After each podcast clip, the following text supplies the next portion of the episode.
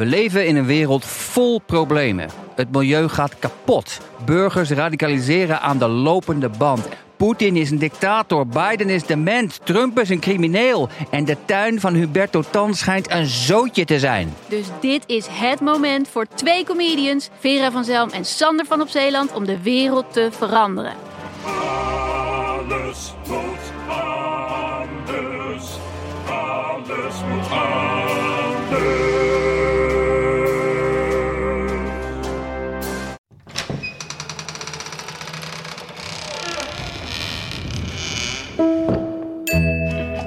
Welkom bij een bonusaflevering van Echt Gebeurd. In de aanloop naar ons 15-jarig jubileum op 15 mei in Carré hebben we 15 weken lang een extra aflevering op maandag. Met een favoriet verhaal uit de beginjaren van onze podcast. Vandaag een verhaal van Nathan Vecht uit 2014 dat eerder verscheen als aflevering 73.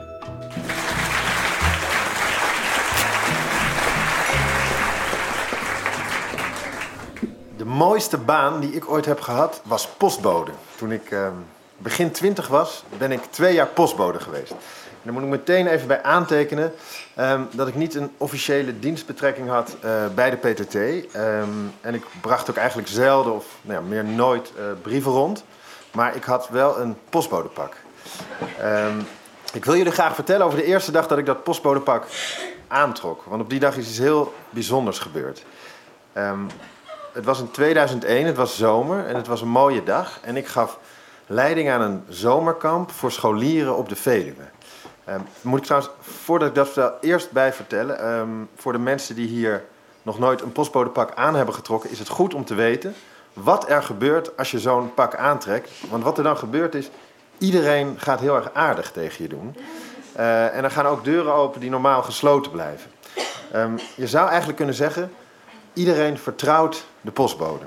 Een voorbeeld, eh, bijvoorbeeld, ik heb een keer eh, had mijn postbodepak aan en toen ben ik beland eh, op het huwelijksfeest van Willem-Alexander en Maxima.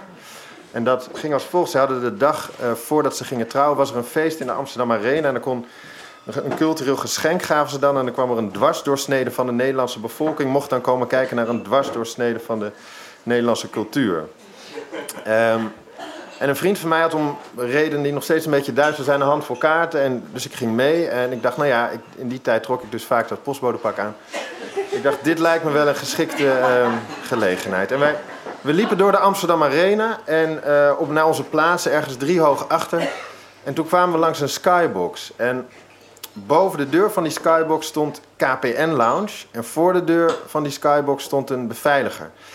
En toen vloepte ik eruit. En ik weet nog steeds niet precies hoe dat kwam. Maar met zo'n pak aan krijg je dus allemaal wonderlijke krachten die boven komen. Ik zei, ehm, ik ben postbode van het jaar. En we zijn uitgenodigd in de eh, KPN Lounge. Maar we hebben een groot probleem. Waar is de KPN Lounge? En toen zei die beveiliger, die is hier. En toen mochten we eh, allemaal naar binnen. Maar het is ook dus goed om te weten dat ehm, mensen vertrouwen niet alleen de postbode, maar dus ook de vrienden van de postbode.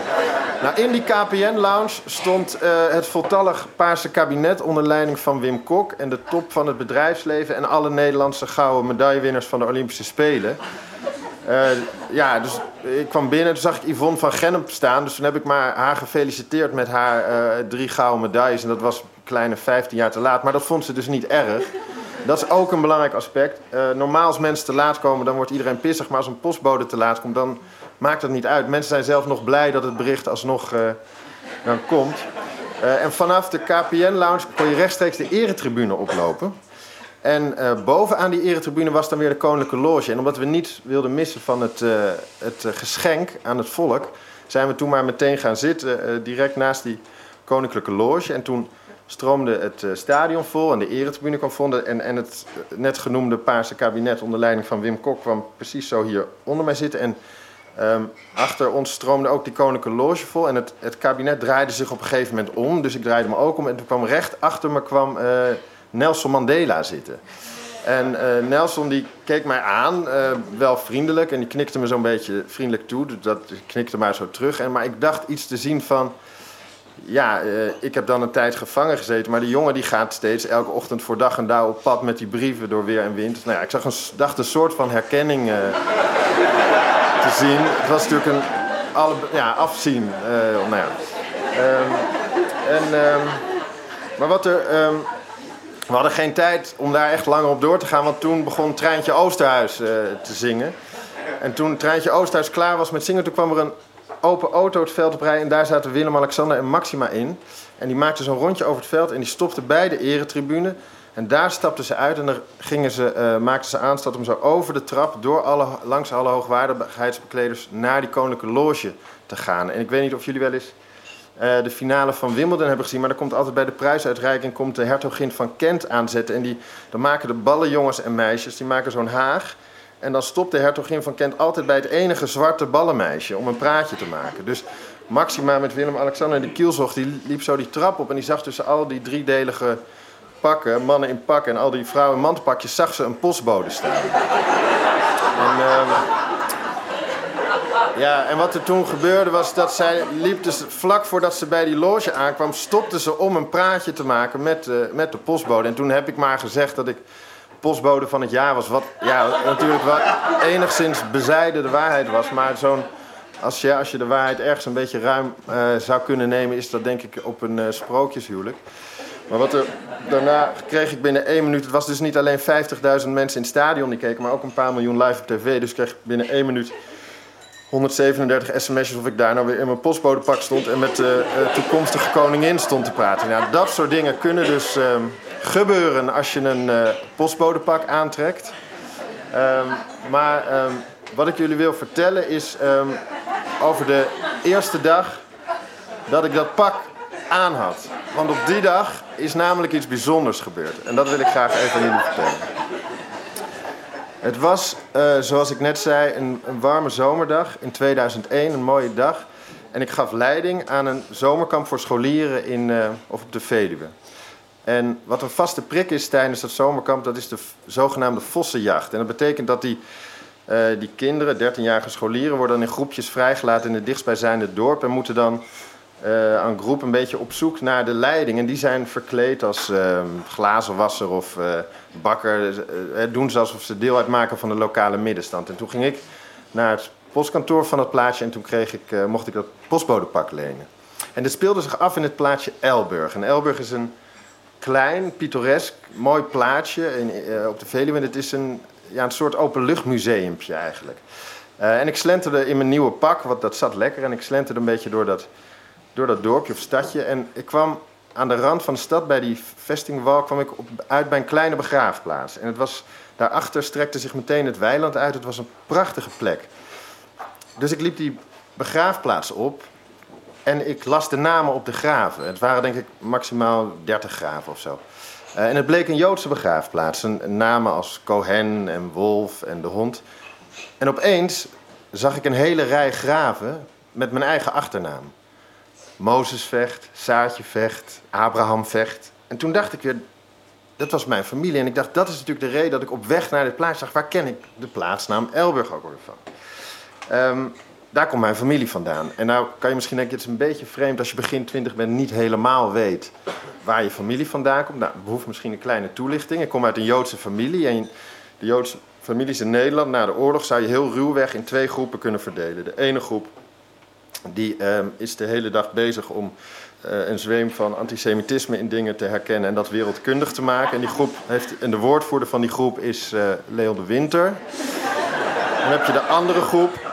De andere groep die denkt, ja, er is al zoveel narigheid gebeurd. We gaan gewoon hard aan het werk. En de woordvoerder van die groep, die is er niet, want iedereen is uh, aan het werk. en ik kom, um, mijn familie behoort tot die tweede categorie. Ik liep die um, begraafplaats af. Een beetje mijmerend over wat, wat me was overkomen. Of tenminste waar ik, hè, wat ik had ontdekt. Um, en toen zag ik aan het eind van de straat...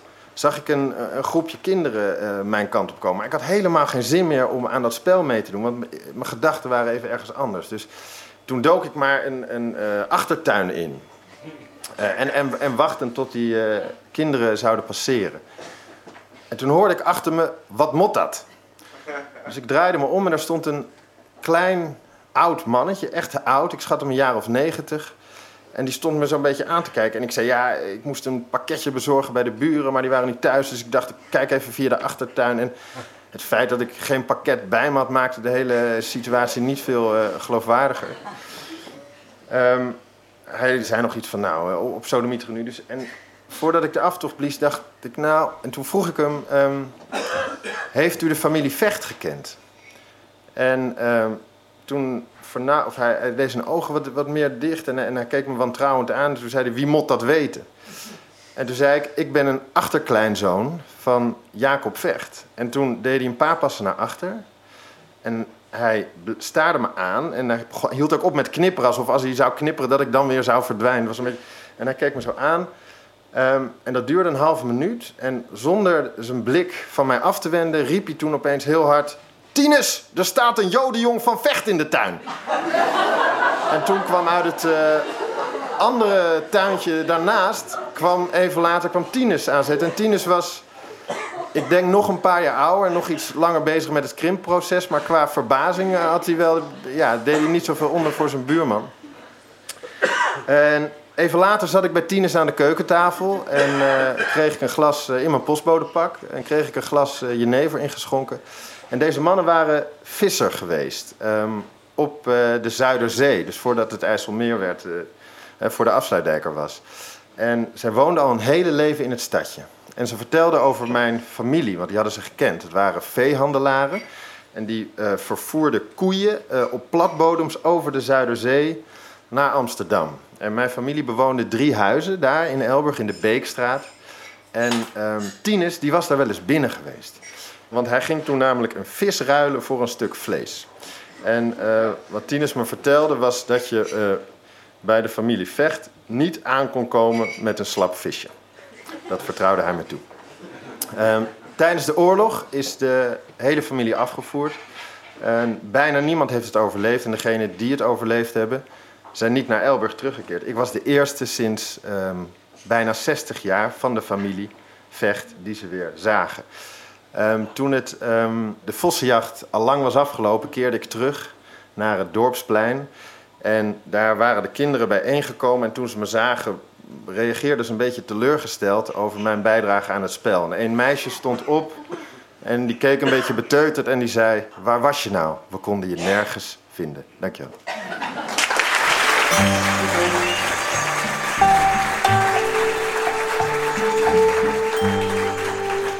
Dat was een verhaal van Nathan Vecht, dat eerder verscheen als aflevering 73 van onze podcast. Komende donderdag aflevering 446, waarin Paulien Cornelissen een nieuw verhaal presenteert. En volgende week maandag ben ik, Gijsbert van der Walde, weer met een goed verhaal uit ons archief.